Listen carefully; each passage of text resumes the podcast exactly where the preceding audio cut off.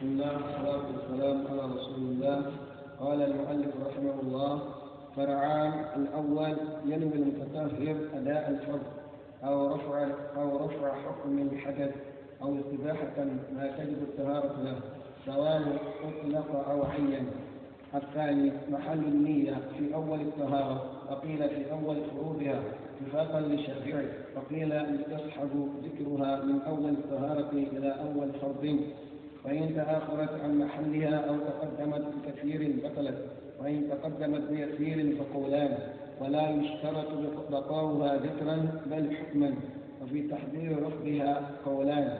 وأما الوجه فحده طولا من أول منابت شعر الرأس شعر الرأس المعتاد إلى آخر الذقن فلا يدخل السلع ولا نزاعتان وحده أرضا من الأذن إلى الأذن وفاقا للشافعي وقيل من العذاب إلى العذاب وقيل بالأول في النقي الخد وبالثاني في الملتحي وانفرط القاضي عبد الوهاب قوله ما بين الصدر والأذن سنة ويجب التقليل ما على الوجه من شعر خفيف واختلف في الكثير.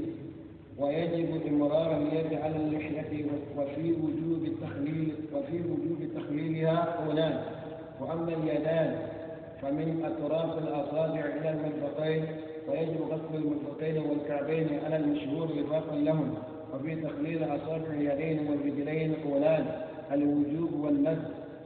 وفي إجالة وفي إجالة الخاتم ثلاثة أقوال يفرق في في الثالثة فيجال الضيق دون الواقع.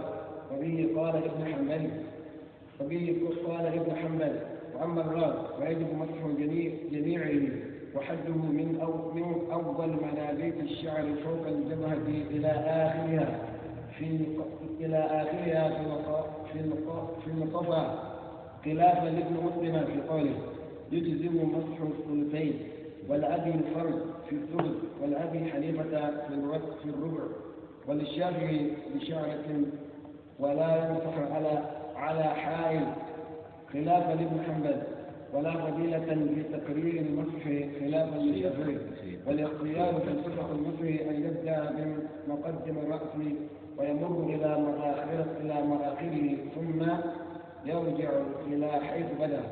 والوجوب سنة ويجب مسح ما قال من شعر في المشهور. وأما الرجل وأما الرجلان فالفرض غسلهما إلى الكعبين عند الجمهور. فقال الطبري يمسحان والكعبان هما اللذان في جانب الساق ففي كل رجل كعبان. فقيل اللذان عند معقد الشراك.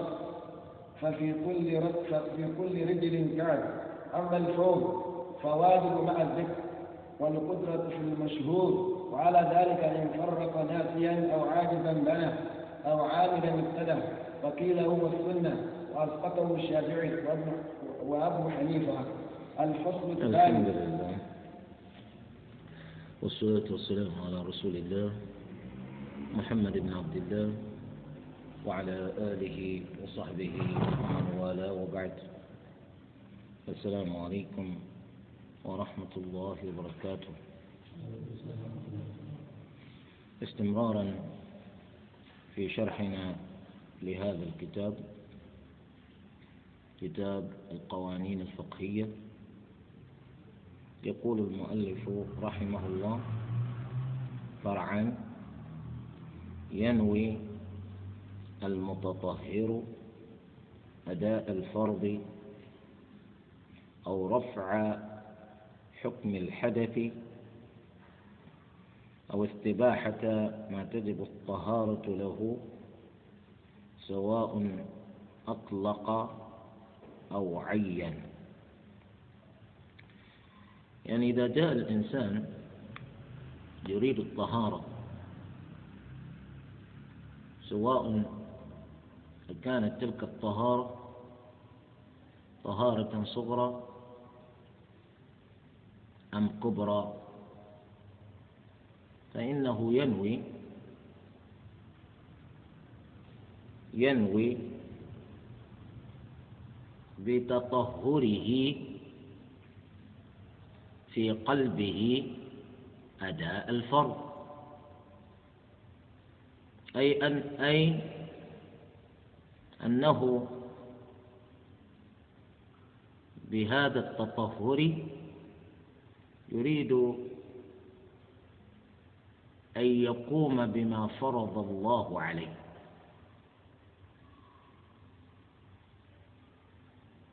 ذلك لأن النية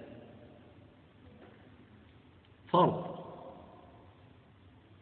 ويعبر عن ذلك بعض الفقهاء بأنه لأنها شرط. شرط من شروط صحة العبادة. فأنت إذا أقدمت على فعل الطهارة فإنك تنوي. بذلك أداء ما فرض الله عليك. أو تنوي بتطهرك رفع حكم الحدث.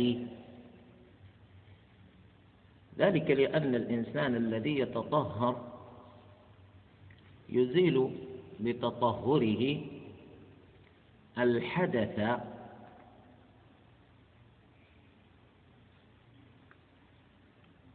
الأصغر أو الأكبر فهو إن كان إنما يريد أن يتوضأ فهو بوضوئه يزيل عن نفسه الحدث الأصغر. أما إذا أراد أن يأتي بغسل الجنابة أو الحيض أو النفاس فإنه يزيل عن نفسه الحدث الأكبر. أو ينوي استباحة ما تجب الطهارة له سواء أطلق أو عين. وهذا يصدق في التيمم. لأن الإنسان الذي يأتي بالتيمم فإنه بتيممه يستبيح العبادة التي تجب لها الطهارة. معلوم أن التيمم طهارة معنوية وليست وليس التيمم طهارة حسية. وإلا فأي طهارة في أن تغبر جسمك بالغبار؟ اللهم إلا أن الشريعة هي التي صيرت التيمم تطهرا. فالتطهر الذي في التيمم تطهر معنوي. لا حسي. ولذلك من أتى بالتيمم فهو إنما يستبيح به العبادة التي تجب لها الطهارة. سواء عين أي سواء كان هذا الإنسان الذي يقوم بالتطهر التطهر الأكبر أو الأصغر سواء عين ما لأجله يريد التطهر أو أطلق. مثلا واحد يأتي يتطهر وينوي في نفسه أنه يريد بذلك أداء الفرض يكفي. أي أنوي بهذا التطهر أداء ما فرض الله عز وجل عليه. هذا يكفي.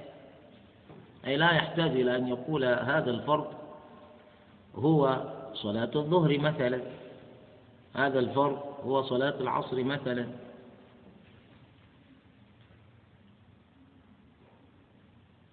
أو لو قال في نفسه إنه يريد بهذا التطهر أداء فريضة الصلاة. هذا إطلاق. لو قال أداء فريضة صلاة الظهر هذا تعيين. سواء أطلق أو قيد. إذا لا بد من التعيين في النية. لا بد من وجود التعيين في النية. هذا الفرع الأول يشير به المؤلف إلى أن الإنسان الذي ينوي لا بد أن يعين بنيته ماذا يريد. لأن كونه ينوي في نفسه أنه يريد بتطهره أداء الفرض هذا تعيين. أو ينوي بتطهره رفع الحدث هذا تعيين. كذلك الذي ينوي بتطهره استباحة العبادة التي تجب لها الطهارة هذا تعيين. وهذا هو الذي بينه النبي صلى الله عليه وآله وسلم في حديث النية بقوله وإنما لكل امرئ ما نوى. وإلا فقوله صلى الله عليه وآله وسلم إنما الأعمال بالنيات هذا في حد ذاته يدل على عموم مشروعية النية. في كل عمل شرعي يقوم به المكلف. أما قوله وإنما لكل امرئ ما نوى فإنه لا بد من أن تميز.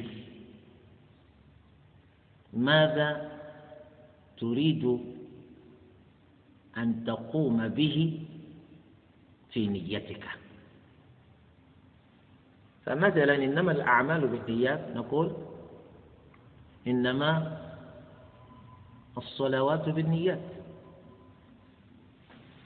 وإنما لكل امرئ ما نوى وإنما لكل شخص شخص ما نوى. فمن نوى الظهر فله الظهر ومن نوى العصر فله العصر ومن نوى الفجر فله الفجر وهكذا.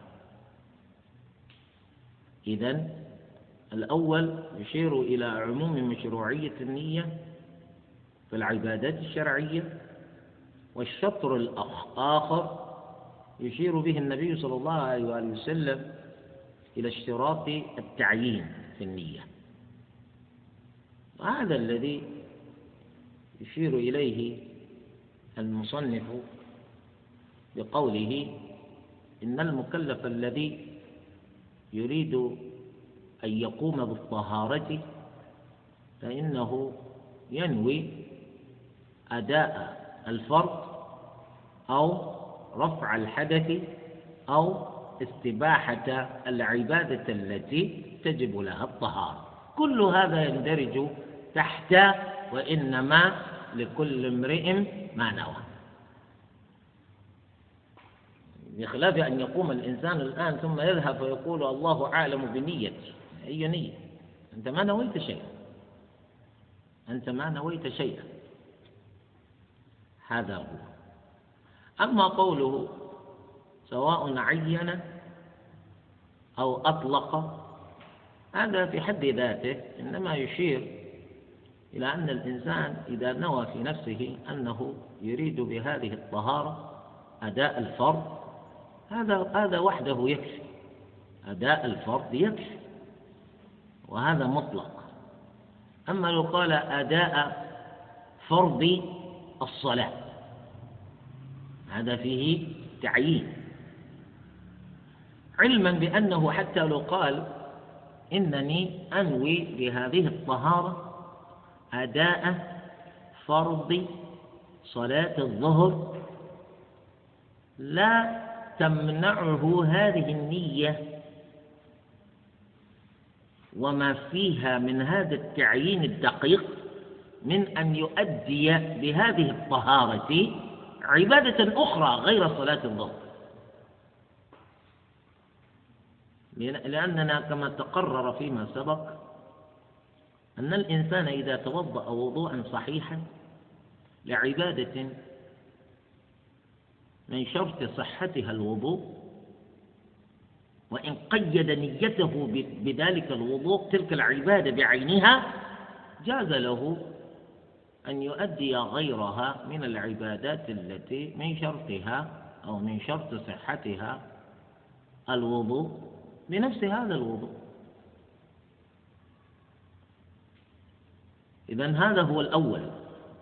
طبعا الفقهاء وإن يبينون مثل هذا في كتبهم هذا لا يدل لا من قريب ولا من بعيد على أنك عندما تعلم الناس الدين تكتب لهم على السبورة أو في الورقة الكيفية التي بها يؤدون تلك النية في قلوبهم وإن لم يتلفظوا بها. إنما يعلمونك ماذا عليك أن تعقد عليه قلبك قبل البدء بوضوئك؟ وليس معنى ذلك أنهم يعلمونك أنك إذا جئت تتوضأ تقول نويت الوضوء أداء للفرض. الفقهاء لا يعلمون الناس هذا.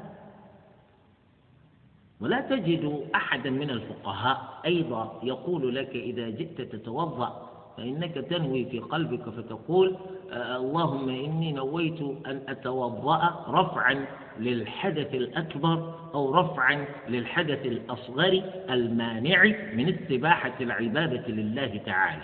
الفقهاء لا يعلمونك هذا. يكفي أنهم قد نوروا لك الطريق وأخذوا بيدك إلى سبيل السلام. ولم يبقى أمامك إذا كنت فطنا يقظا إلا أن تطبق هذا بنفسك. كيفما يروق لك؟ كيفما يروق لك؟ ثم لا أحد من الفقهاء يقول لك إن النية لا تنعقد نية في قلبك إلا إذا عقدتها في قلبك بلغة معينة. لا أحد يقول هذا. أو بعبارة أخرى يقول النية لا تصح نية إلا إذا كان العقد بها في القلب إنما تم باللغة العربية. لا أحد يقول لك إنما أنت مكلف. تعبد ربك بما تفهم يعني تعقد النية في قلبك بأنك تريد هذا الشيء ولو بلغتك لكن بشرط ألا تتلفظ. لا سرا ولا جهرا والتلفظ يتحقق بتحريك اللسان والشفتين. فالنية سر بين العبد وربه. لا يطلع عليه أحد. لا, مر... لا ملك مقرب ولا نبي مرسل. فضلا عن أحد من الناس. أنت تعرف السر. هذه النية سر بينك وبين ربك. الله فقط هو الذي يعلم ما عقدت قلبك عليه تجاه العمل الذي تقوم به. هذا هو. ثم يقول الفرع الثاني محل النية. محل النية. أي الوقت الذي يأتي المكلف بالنية. الوقت الذي يأتي المكلف فيه بالنية. وإلا قوله محل النية هذه العبارة نجدها دارجة في ألسنة العلماء في التعبير عن مكان النية. محل النية بمعنى مكان النية. فيقال ومحل النية القلب. فهمتم هذا؟ ولكنه أراد بمحل النية هنا الوقت. الوقت الذي يأتي المكلف فيه بالنية. يقول هذا الوقت هو في أول الطهارة. إذا كان العمل الذي تريد أن تقوم به الطهارة. أما إذا كانت العبادة التي تريد أن تقوم بها غير الطهارة فنقول وقت النية أول كل عبادة. أول كل عبادة. وهذا يبطل الأوهام وسوء الفهم الذي يعاني منه بعض الناس. أن بعضهم يظن أنه ما دام قد عقد قلبه على ما يريد أن يقوم به من عبادة قبل وصوله إلى المكان الذي يشرع فيه بتلك العبادة فالنية قد انعقدت. مثله مثل شخص يريد أن يذهب إلى المسجد للوضوء والصلاة. فيقول ما دمت حين خرجت من بيتي لم أرد بذلك الخروج إلا الوضوء والصلاة فهذه الإرادة تكفي. فلا أحتاج بعدها إلى أي نية أي نية. هذا كثير عند كثير من الناس. يظن أنه نوى وما نوى شيئا. ومثل الذي قد توضأ من بيته وهو يقصد المسجد للصلاة إذا أتى إلى المسجد واصطف مع الناس في الصف يكبر فقط ولا ينوي. يظن أنه قد نوى. والنية تكون في أول العبادة. ذلك لأن الإنسان الذي أخذ يمشي من بيته إلى المسجد لما يبدأ في الوضوء بعد ولما يدخل في الصلاة بعد. فكيف تنوي وأنت لما تدخل في العبادة بعد؟ النية وقتها أول كل عبادة. وأول كل عبادة بحسب تلك العبادة.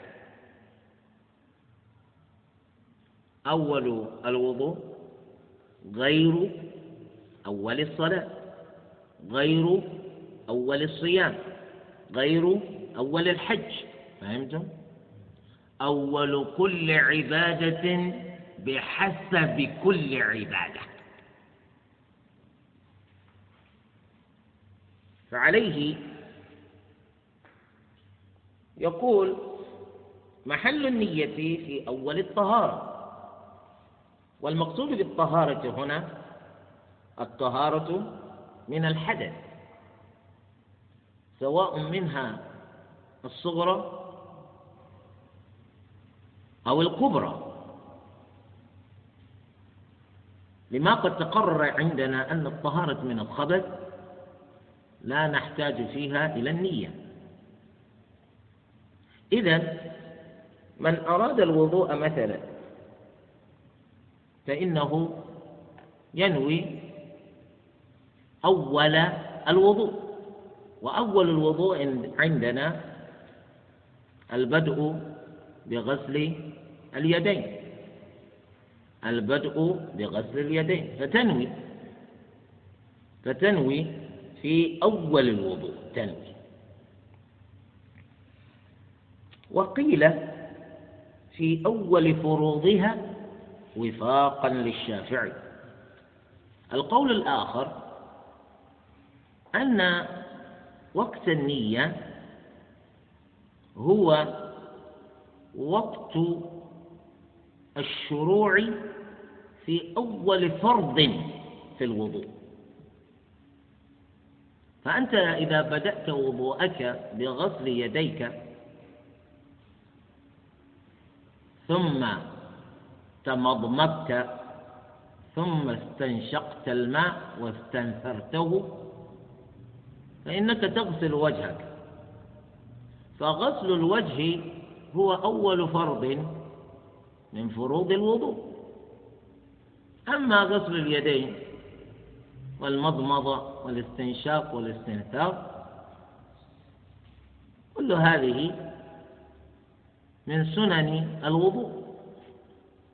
وإن وإن وإن خالف بعض العلماء كالإمام أحمد بن حنبل حيث يرى أن الاستنشاق مثلا من واجبات الوضوء لأن النبي صلى الله عليه وآله وسلم توضأ واستنشق وأمر به. فكونه أمر به فهو دليل زائد استنبط منه وجوبه بخلاف المضمضة. لأن النبي صلى الله عليه وسلم يقول وبالغ في الاستنشاق. إلا أن تكون صائما. وأيضا في حديث آخر إذا توضأ أحدكم فليستنشق. فاستشف من هذه الأدلة أن الاستنشاق غير. لكن على العموم نقول أول فرض من فروض الوضوء غسل الوجه. على القول الآخر أنت تبدأ وضوءك مجردا عن النية. بسم الله تغسل يديك تتمضمض تستنشق تستنثر بدون نية ثم تأتي بالنية عند غسل الوجه. إذا هذا الذي سبق. لا تريد أن تؤجر عليه. لأن النبي صلى الله عليه وسلم يقول إنما الأعمال بالنيات وإنما لكل امرئ ما نوى. أنت ما نويت شيئا. نقول إنما تتريض. يعني أنت تمارس الرياضة لما تبدأ في الوضوء بعد. فالقول الآخر هذا يقول هو بمثله يقول الإمام الشافعي. ولا شك أن القول الأول أصح. القول الأول أصح. لماذا؟ كي لا يخلو جزء من أعمال الوضوء من النية. كي لا يخلو عمل من أعمال الوضوء من النية. لذلك الإنسان يبدأ وضوءه بالنية والبدء بالوضوء يكون بغسل اليدين. هذا هو. وقيل هذا قول ثالث. يستصحب ذكرها من أول الطهارة إلى أول الفرض. أي أنت تنوي من بداية الوضوء وتعقد قلبك على تلك النية تستمسك بتلك النية ولا تتركها كي لا تفارقك حتى تبدأ في غسل الوجه. يا جماعة هذا القول الثالث أيضا صعب. يعني كان من المفترض أن تكون النية في أول العبادة ثم يباشر المكلف تلك العبادة بتبعياتها. فلا حاجة لنا إلى أنه يستصحب أو لا يستصحب.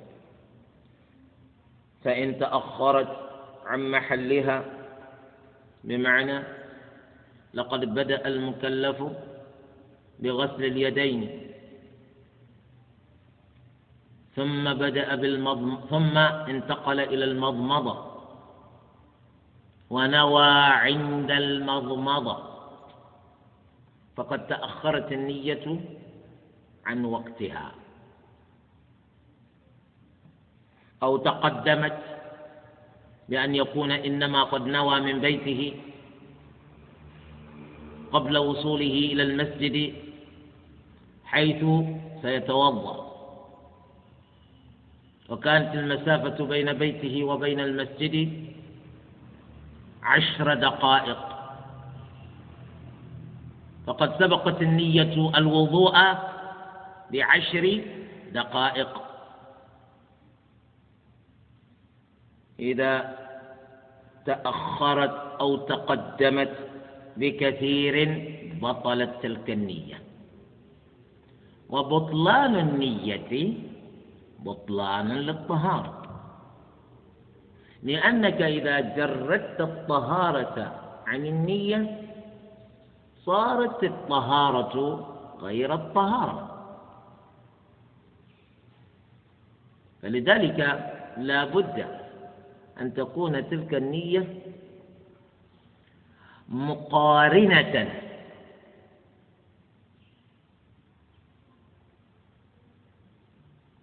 مع بداية العمل في العبادة. بحيث لا يكون بين النية والبدء في العمل فاصل. لا يكون ذلك الفاصل طويلا. أما إذا كان الفاصل يسيرا تأخرت النية عن عن أول الوضوء ببرهة بثانية تأخر غير ملحوف فقولان أنها نية صحيحة أنها نية باطلة. فإذا قلنا صحيحة لأن الفصل اليسير كالعدم. فإذا قلنا باطلة نقول تأخر النية عن أول العبادة إيذان ببطلان العبادة. إيذان ببطلان العبادة. وذلك لأن أول العبادة تقع مجردا عن النية. وبطلان أول العبادة بطلان لآخرها. أما إذا قلنا فهذا الفاصل اليسير معفو عنه ومغتفر ربما كان قولا وجيها ربما كان قولا وجيها لأن الإنسان لا يمكن أن تجرد عمله من الخطأ. الإنسان خطاء. فإذا قلنا ما دامت النية قد تأخرت هذا التأخر اليسير فالنية بذلك باطلة والعبادة باطلة يعني لا يسلم كثير من العبادات التي يأتي بها كثير من المكلفين فهمتم؟ فلذلك إذا كان الشيء قليلا يسيرا فإنه ملحق بالعدم القليل ملحق بالعدم. كما في القواعد الفقهية. ولا يشترط بقاؤها ذكرى يشير المصنف هنا إلى أن الإنسان ينوي في قلبه بدون لفظ. وبدون تلفظ. بدون تلفظ. فلا أحد يقول لك أنت يعني تردد النية من أول العبادة إلى آخرها. تقول اللهم إنما أصلي صلاة الظهر اللهم إنما أصلي صلاة الظهر اللهم إنما أصلي صلاة الظهر. يعني من أول الإحرام إلى التسليم. لا أحد كلفك بها بل التلفظ بالنية بدعة.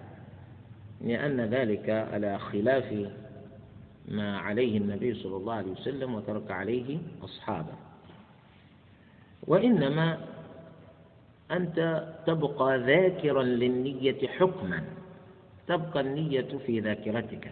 لا تنسى ما أنت فيه. لا تنسى أنك تصلي الظهر. لا تنسى أنك تصلي المغرب. لا تنسى أنك إنما تصلي الفجر. طبعا إذا لم تنسى النية التي بها دخلت في هذه العبادة فإن ذلك أيضا يكون مصباحا منيرا لك في أداء تلك العبادة. وإلا قد تنقلب صلاة الظهر عندك عشاء. يعني إذا كنت لا تستذكر النية حكما تبدأ في صلاة الظهر وأنت تؤديها كما تؤدي صلاة العشاء. تقرأ جهرا. وإذا قيل لك تقول ربي لا يمنع. أقرأ جهرا أقرأ سرا. شفت كيف؟ وبعضهم يعني تتحول صلاة الفجر عنده مغربا. يعني بدلا أن يسلم من الركعتين يقوم. فيأتي بالركعة الثالثة. يقول السماء لا زال فيها غلس فالشمس تو غربت. لا يدري أن الفجر إنما انبلج. فهمتم؟ فلذلك الإنسان يستذكر النية يستذكر النية حكما. لكن لا ذكرى. وفي تأثير رفضها قولان. هذه مسألة. هل يؤثر رفض النية أو لا يؤثر؟ أولا العلماء على أن الإنسان الذي دخل في عبادة من العبادات عليه أن يحرص على أداء تلك العبادة في أكمل وجه ولا يبطل عبادته. لا يبطل عبادته. فأنت دخلت في الصلاة. تريد أن تصلي صلاة العصر. معلوم أن صلاة العصر أربع ركعات. أن تصلي هذه الصلاة بالكمال والتمام حتى تسلم. كذلك إذا نويت فعل عبادة أخرى من العبادات أيضا أنت يعني عليك أن تحرص على أداء تلك العبادة على أكمل وجه حتى تؤجر. أما رفض النية المقصود به أن يقول الإنسان ما نويت فعله من هذه العبادة لقد رفضته. أي ما نويت فعله الآن عندي مرفوض. أنت نويت أن تصلي صلاة العصر فتقول الآن خلاص لا أريد العصر. أنت نويت الحج. فتقول خلاص. أبطلت. أي لا أريد أداء هذا الحج أيضا. نويت الصيام. فتقول أضربت عنه. لا أريد أن أستمر فيه. هذا هو رفض النية. هل له تأثير أو لا تأثير له؟ بمعنى حتى إذا نويت أنك رفضت العبادة التي قد شرعت فيها هل هذا الرفض يعود على تلك العبادة بالبطلان؟ أو لا يؤثر في إبطال تلك العبادة؟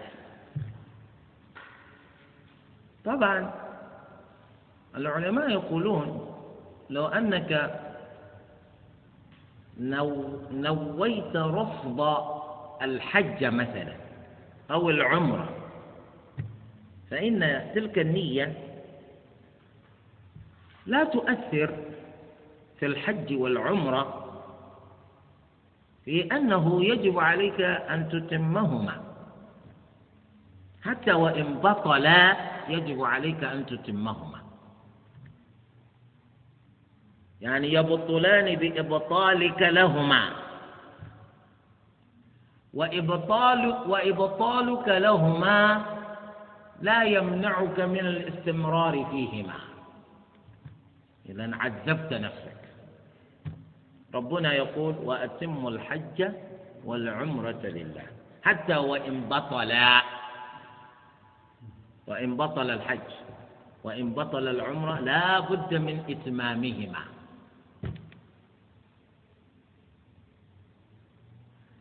ويقول العلماء أيضا أو بعضهم يقول لو نويت رفض الصوم قد نويت الصيام وقد شرعت فيه بعد طلوع الفجر وبعد إذن قلت خلاص أنا لا أريد أن أستمر في هذا الصوم.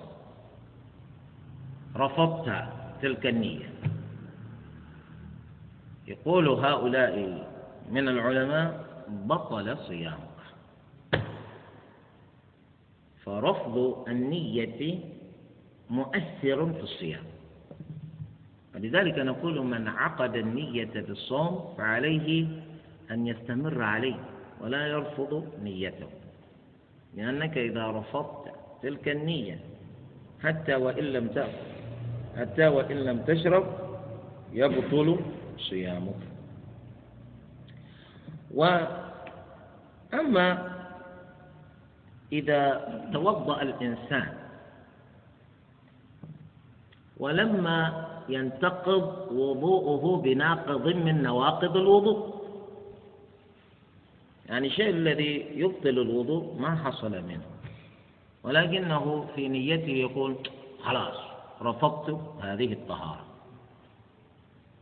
هل يؤثر رفضه للطهارة أو لا يؤثر؟ قولان. القول الأول يقول يؤثر تبطل الطهارة برفضك إياها. القول الآخر يقول لا ما يؤثر. إنما الذي يؤثر هو أن تأتي بناقض من نواقض الوضوء. إذا جئت بناقض من نواقض الوضوء حينئذ نقول إن طهارتك تبطل. إن شاء الله الذي نختاره هنا أن نية رفض الطهارة لا تؤثر. نية رفض الطهارة لا يؤثر. إنما الذي يؤثر في بطلان الطهارة حدوث ناقض من نواقض الطهارة إن شاء الله. حدوث ناقض من نواقض الطهارة. ثم لما أنهى الكلام عن النية اختصارا بدأ يتكلم في الفرض الأول المذكور في القرآن وهو الوجه. وهو الوجه. والوجه في اللغة العربية سمي وجها لوقوع المواجهة به. لوقوع المواجهة به. يعني أنت تستقبل من تستقبل بوجهك. تستقبل من تستقبل بوجهك. من هنا سمي الوجه وجها. والوجه من أشرف ما في الإنسان من أعضاء. ولذلك يكون الإنسان أقرب ما يكون إلى ربه وهو ساجد. يعني إذا وضع جبهته على الأرض تعبدا لله عز وجل. فالوجه أشرف ما في الإنسان من أعضاء. فهذا الوجه تجدون ربنا عز وجل يشير إليه كثيرا في القرآن. ماذا سيكون مصير وجوه يوم القيامة ومصير وجوه أخرى يوم القيامة؟ وجوه يومئذ ناظرة إلى ربها ناظرة ووجوه يومئذ باسرة تظن أن يفعل بها فاقرة. فالوجه هذا من أشرف ما يكون. ولذلك تجدون النبي صلى الله عليه وآله وسلم يمنع الزوج إذا أراد وعزم أن يؤدب زوجته ضربا أن يتجنب الوجه. أن يتجنب الوجه. وكذلك الولد. يعني النبي صلى الله عليه وسلم لما قال مروا أولادكم بالصلاة وهم أبناء سبع سنين واضربوهم عليها لعشر واضربوهم عليها على أن تتجنب الوجه. على أن تتجنب الوجه. لأن الوجه يتضمن أو يشتمل أو يحمل معه أشرف أعضاء كذلك كالعينين. يعني الإنسان إذا لم تتجنب ضرب الوجه قد تصيب الإنسان في عينه وتعوره بضربك. تجعله صاحب عين واحدة. فهمتم هذا؟ كذلك إذا أصبته في أنفه الإنسان يتنفس شهيقا وزفيرا عن طريق خيشومه.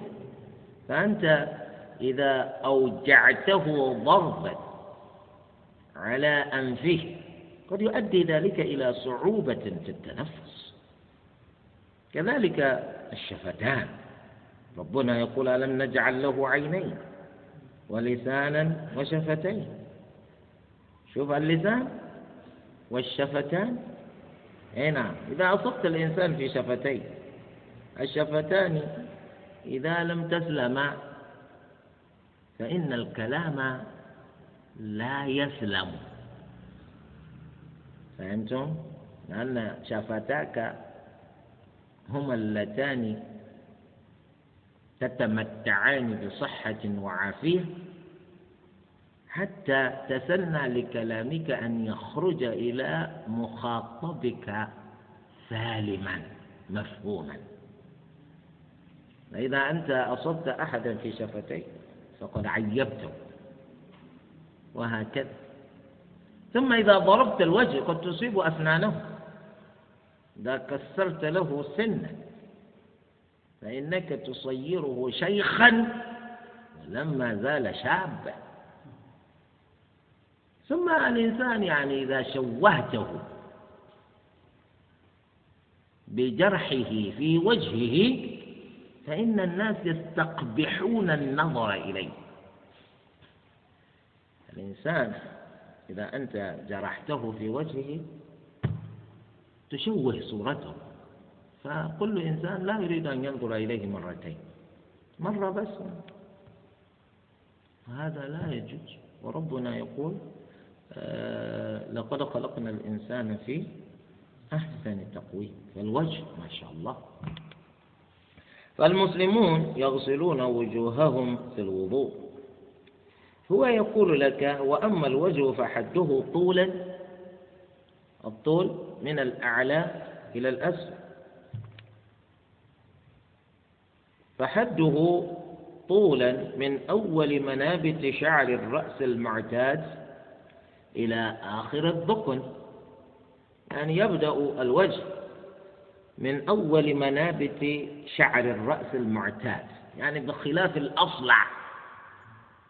الأصلع هو الذي لا تجد له شعرا في مقدمة رأسه. إنما الشعر يبدأ من وسط رأسه. هذا يقال له أصلع به صلع. هذا إذا جاء يغسل وجهه في الوضوء إنما يبدأ بذلك الغسل من منابت الشعر المعتاد في رؤوس الناس العاديين. ومن الناس من ينبت له الشعر في جبهته. فهمتم هذا؟ أها. على حدود حاجبيه تجدون الشعر. مثل هذا ليس شخصا عاديا. هو إذا أراد أن يغسل وجهه يبدأ غسل الوجه من منبت شعر الرأس المعتاد لدى الناس العاديين. فهمتم هذا؟ ها فلأجل هذا نعلم أن حده من أول منابت شعر الرأس المعتاد. ويستمر ذلك طولا إلى آخر الذقن والذقن ينتهي عند بدء العنق. عند بدء العنق ينتهي الذقن. يعني أنت مطالب بأن تراعي هذا الحد عند غسلك وجهك في الوضوء. هذا من حيث الطول. فلا يدخل الصلع. صاحب الصلع يعني لا نغسل صلعه. إنما نمسح صلعه مسحا عند مسح الرأس. ولا يغسل ولا النزعتان. النزعتان هما البياض الذي يستعلي في مقدم الرأس من جانبي الرأس. هذا المكان. هذا المكان يقال له باللغة العربية النزعتان. النزعة النزعتان هذا الجزء وهو البياض الذي في أعلى مقدم الرأس من الجانبين من الجانب الأيمن ومن الجانب الأيسر. هذا على الحدود. حدود ما بين منبت شعر الرأس المعتاد والوجه. هذا المكان الذي يقال له النزعة. هل هو من هل هو من الرأس أو من الوجه؟ خلاف بين أهل اللغة. هل هو من أنت إذا جئت تتوضأ تغسله أو تمسحه. يعني كثير من الناس يغسلونها يغسلون هذا الحد. وهذا المكان هو النزعة. يقولون على على الأصح النزعة من الرأس لا من الوجه. النزعة من الرأس لا من الوجه. فحقها أن يمسح أو أن تمسح لا أن تغسل. فلذلك يقول فلا يدخل الصلع ولا النزعتان. ولا النزعتان ولكن كيف يتم غسل الوجه طولا من غير تقصير؟ أيمكنك أن تغسل وجهك طولا من غير تقصير من غير أن تصيب النزعة من غير أن تصيب النزعتين؟ صعب. فإصابة النزعة غسلا عند غسل الوجه من باب ما لا يتم الواجب إلا به. ففعله واجب. مثل الذي يريد أن يغسل يديه مع المرفقين. أنت تبدأ من أصابع يدك إلى المرفق. تريد أن تغسل اليد مع المرفقين. لا يمكن لك أن يتم لك ذلك إلا بالشروع في غسل العضد. كذلك الذي يريد أن يغسل رجليه إلى الكعبين أي مع الكعبين لا يتم له ذلك إلا بالشروع في غسل الساق. فهمتم؟ هذا يقال له من باب ما لا يتم الواجب إلا به ففعله واجب. يقول وحده عرضا. هذا هو العرض. حده عرضا من الأذن إلى الأذن وهذا الأصح. هذا الأصح من أقوال العلماء أنك إذا غسلت وجهك في الوضوء تغسل وجهك من منبت شعر الرأس المعتاد طولا إلى آخر الذقن وعرضا من أذن إلى أذن. هذا الأصح. وفيه الخروج من كل الخلاف. وفاقا للشافعي. أي بمثله قال الإمام الشافعي. وهو الأصح. لأن كل هذا وجه. يعني من أذن إلى أذن وجه. من منبت الشعر الرأس إلى الذقن وجه. هذا متفق عليه. لكن وقيل هذا قول آخر وقيل من العذار إلى العذار. آه يقولون من العذار إلى العذار. العذار هو موضع الشعر. موضع الشعر الذي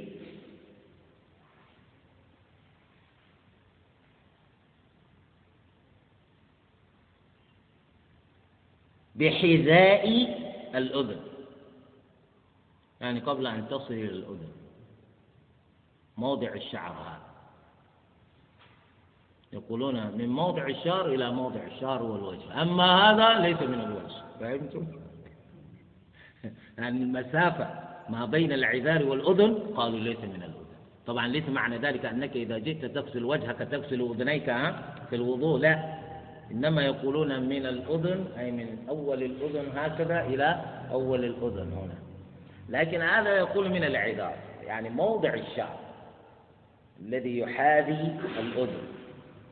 يقول المسافة الضيقة هذه يقول ليس من الوجه. هذا قول. وقيل قول ثالث. وقيل بالأول وقيل بالأول أي من الأذن إلى الأذن في نقي الخد في من لا لحية له. خده نقي. وبالثاني في الملتحي أي في من له لحية. إذا نقول من مكان اللحية إلى الأذن ليس من الوجه. نحن نقول الصواب من الأذن إلى الأذن. وانفرد القاضي القاضي إذا أطلق عند المالكية فهو عبد الوهاب. القاضي عبد الوهاب البغدادي. وانفرد القاضي عبد الوهاب بقوله يعني هو له قول مفرد أي لم يقل بمثله غيره. ما بين الصدغ والأذن سنة. الصدغ هو ما بين العين والأذن. ما بين العين والأذن. هذه مسافة شوف طويلة. بخلاف الذي قال العذاب يعني ما بين العين إلى الأذن سنة. يعني هكذا تأتي بالمسافة هكذا. كل هذه سنة. يعني من من انفرد بهذا القول؟ انفرد به القاضي عبد الوهاب. وأما غير هذا فواجب. مشكلة. الصواب أن كل ذلك من الوجه وحكمه كله فرض. ويجب تخليل ما على الوجه من شعر من شعر خفيف. إذا كان الشعر الذي في وجهك خفيفا لحيتك خفيفة فإنك تخللها تخللها بأصابعك. كي يتسنى للماء أن يتغلغل في السرير وجهك كلها. هذا إذا كان الشعر خفيفا. لأنهم يقولون الخفيف هذا كالعدم. من لحيته خفيفة كمن لا لحية له.